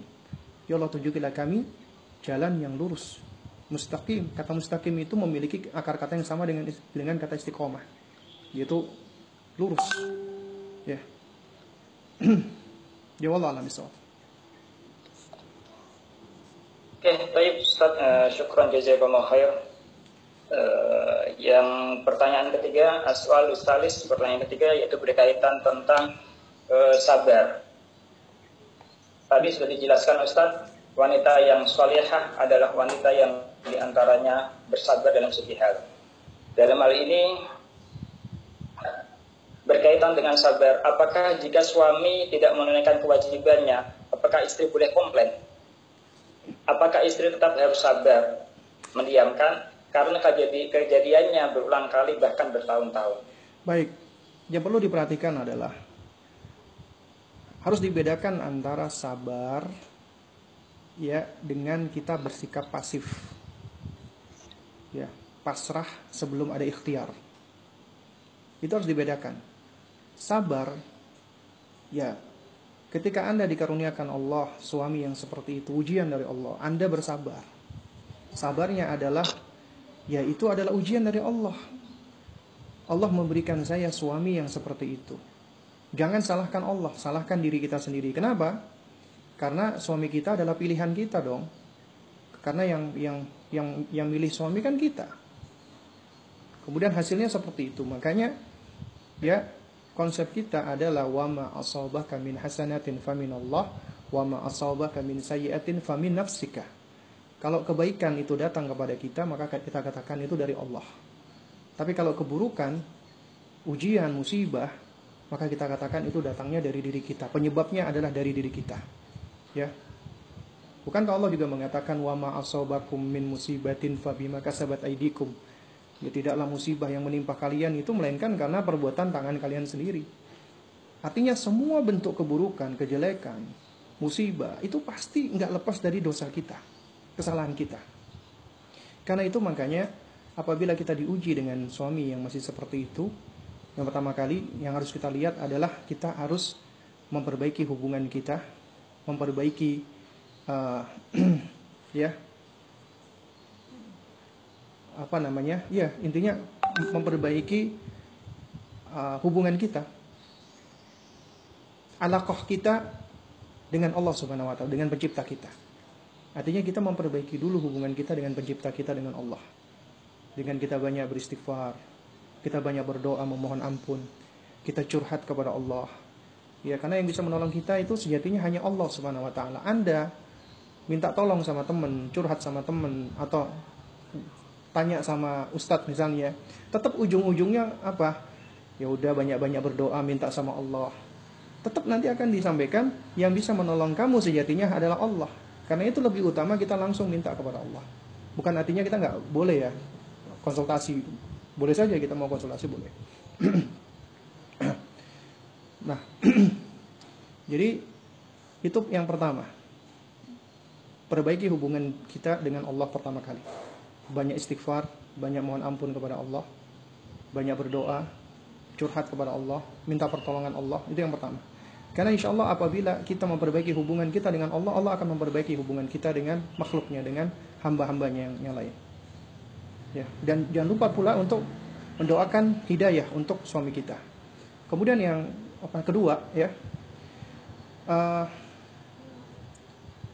bahwasanya hidayah itu di tangan Allah Subhanahu Wa Taala mungkin kita dulu sama suami misalnya masih sama-sama belum belajar, belum belum ngaji misalnya.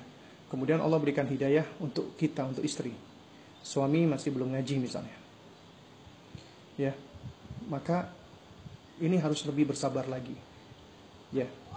Karena apa? Karena suami kita itu memang imam tapi ternyata imam yang yang membutuhkan bimbingan dan seorang istri bisa membantu untuk memberikan bantuan berupa bimbingan dengan cara yang baik agar sang suami bisa menjemput hidayah Allah Subhanahu wa taala.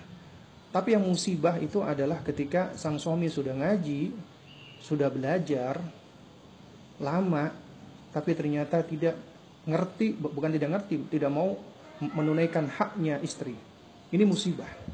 Dosa besar. Dosanya bertumpuk. Ya. Kalau yang tadi orang orang yang belum ngaji tadi dia paling dia paling berdosa karena memang lantaran bodohnya dia. Tapi orang yang sudah ngaji, sudah ngerti, itu lebih bertumpuk lagi. Dosa karena apa? Karena dia udah tahu dan dia nggak mau melakukannya. Ya itu lebih ber, bertumpuk lagi dosanya. Ya, nah karena itu makanya kita juga harus sabar. Kemudian yang ketiga yang namanya kesabaran itu nggak bukan artinya pasif. Kita punya uh, kewajiban untuk mengingatkan, untuk memberikan nasihat, tapi tentunya dengan cara yang baik. Dan kita juga boleh ya menuntut hak kita, hak yang memang diakui oleh syariat. Wanita itu memiliki hak yang harus dipenuhi oleh suaminya. Di antaranya hak nafkah. Apabila suami nggak nggak ngasih di hak nafkah, maka wanita boleh menuntutnya, boleh memprotesnya, bahkan boleh melaporkannya kepada hukam. Bahkan dalam syariat juga diperbolehkan wanita ini menuntut apa cerai darinya. Kalau ditanyakan hukum bolehnya lah boleh. Tapi tentunya yang lebih utama adalah kita coba untuk mencari jalan-jalan kebaikan. Kita nasihati dulu atau kita bisa minta uh, orang apa orang-orang tua yang dihormatin suami misalnya untuk untuk untuk menyampaikan ya. Ya jadi intinya ketika Anda ingin menuntut hak Anda yang memang itu dibenarkan oleh syariat, maka itu adalah suatu hal yang diperbolehkan yang dan dibenarkan dan tidak menafikan kesabaran. Ya. Jadi bukan artinya itu nggak sabar, bukan. Anda ketika menghadapi dia dengan Anda tidak ngomel-ngomelin dia, tidak marah padahal pengen marah ini, pengen ngomelin dia ini. Tapi ternyata kita nggak nggak marahin dia, nggak ngomelin dia. Kita pingin ngamuk, tapi ternyata kita berusaha menahan diri, kita ngomongnya baik-baik. Itu termasuk bagian dari kesabaran. Berarti Anda sudah melakukan suatu hal yang sabar. Ya. Padahal Anda punya hak di situ. Yang seharusnya Anda sudah dipenuhi haknya. Tapi tidak dipenuhi oleh suami, Anda sampaikan, Anda keluhkan dengan cara yang baik. Ya. Nah, itu ini adalah suatu hal yang diperbolehkan. Tapi kalau Anda mengeluhnya cuman dengan memprotes doang, menyalahkan, menghujat, kamu nih suami yang nggak gimana sih kamu nih, ya itu malah tidak ada manfaatnya, malah lebih banyak madarat. dan bahkan juga merupakan bagian dari ternyata kita kurang bersabar. Kenapa? Karena kita sudah langsung ya uh, mengungkapkan apa namanya kesalahan kita dengan berbagai macam kata-kata yang tidak layak atau tidak tidak pas ya Allah alam Ya, saya uh, syukuran jazakallah khair. Mungkin tadi pertanyaan yang terakhir uh, sebelum ditutup bisa disampaikan kesimpulannya wanita atau muslimah yang solehah yang sukses dunia akhirat itu bagaimana? Syukuran Ustaz. Of fun ini ini seharusnya apa ini kalau kesimpulan bukan bukannya bukannya antum ini yang tanggung jawab ini yang tugas untuk menyampaikan kesimpulannya. Oke, tafadhol Ustaz. Apa Tayyib. Baik, jamaah sekalian yang dimuliakan Allah Subhanahu wa taala ya. Jadi yang ingin apa namanya? saya sampaikan ya di kesempatan akhir ini adalah ya, jadi ketika antum semua, khususnya antum eh, khususnya antuna ya para akhwat, para ummahat yang hadir ya di majelis kita di sore hari ini. Dan ketika Anda mengikutinya atau mengikuti kajian ini dengan niatan karena Allah Subhanahu wa taala dan juga ingin mendapatkan ilmu, ingin mendapatkan hikmah, ingin mendapatkan pengetahuan, ingin mendapatkan manfaat. Lalu kemudian setelahnya Anda berusaha untuk mengamalkannya, mempraktekannya dengan semaksimal mungkin, maka ketahuilah itu adalah bagian dari nikmat yang paling besar yang Allah karuniakan taufik dari Allah Subhanahu wa taala. Dan ini adalah di antara tanda di antara salah satu tanda bahwasanya antunna atau Anda adalah wanita-wanita yang salehah insyaallah. Wanita-wanita yang mulia insyaallah. Ya, dan wanita-wanita yang insyaallah taala pula Allah akan senantiasa berikan karunia-Nya, Allah berikan taufiknya, Allah berikan hidayahnya dan Allah berikan maunah atau namanya pertolongannya agar bisa menjadi wanita yang sukses, yang najah fit dunia wal akhirah. Dan yang paling penting pula dari itu semua adalah jangan pernah kita melupakan untuk selalu berdoa, meminta kepada Allah Subhanahu wa taala. Karena tetap semuanya ya keistiqomahan kita, hidayah kita, taufik itu semuanya adalah dari Allah. Karena itu makanya jangan pernah lupa kita untuk senantiasa berdoa meminta kepada Allah. Nabi yang sudah dijamin surga, yang sudah dijamin oleh Allah, ya tidak dimasukkan neraka.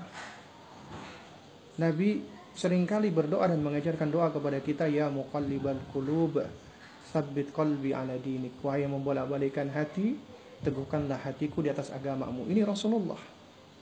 Nabi juga mengajarkan doa kepada Mu'adz bin Jabal radhiyallahu taala anhu. Ya, dan ini juga Nabi praktekkan. Zikir ba'da salah. Setelah salam, Assalamualaikum warahmatullah, Assalamualaikum warahmatullah. Apa yang diajarkan Nabi, kita beristighfar. Memohon ampun kepada Allah. Ini selesai ibadah, kita minta maaf kepada Allah. Kenapa? Ternyata ibadah yang kita lakukan gak akan bisa sempurna. Makanya kita minta maaf kepada Allah. Nabi nggak mengajarkan kita tahmid loh, alhamdulillah enggak istighfar. Allahumma antas salam minkas salam. Ya, kemudian kita berzikir. Ya. Kemudian kita diajarkan doa yang paling indah, salah satu doa yang paling indah. Allahumma a'inni ada zikrika wa syukrika wa husni ibadatik. Ya Allah, tolonglah aku. Ya. Agar aku selalu bisa berzikir mengingatmu. Agar aku selalu bisa bersyukur kepadamu agar aku selalu bisa beribadah dengan ibadah yang baik. Rasulullah mengajarkan kepada Mu'adz bin Jabal dan dipraktikkan oleh Rasulullah. Padahal kita tahu nabi kita adalah manusia yang apa? Yang paling bersyukur kepada Allah. Manusia yang paling banyak berzikir kepada Allah. Manusia yang paling baik ibadahnya. Tapi beliau juga berdoa, Allahumma a'ini ya Allah, aku memohon pertolongan kepadamu. Ya, ala dzikrika untuk mengingatmu wa ala syukrika untuk bersyukur kepadamu wa ala husni ibadatik dan agar aku selalu bisa beribadah dengan baik kepadamu. Jadi doa itu sangat penting sekali dan termasuk ikhtiar yang utama. Mungkin yang sedikit ini bisa memberikan manfaatnya. Kurang lebihnya saya mohon maaf jika ada yang benar datangnya dari Allah, yang batil datangnya dari diri saya pribadi. Kita tutup dengan kafaratul majelis. Subhanakallahumma wa bihamdik asyhadu an la ilaha illa anta astaghfiruka wa atubu ilaik. Wassalamualaikum warahmatullahi wabarakatuh. Waalaikumsalam warahmatullahi wabarakatuh. Syukran Ustaz, ya Masya Allah.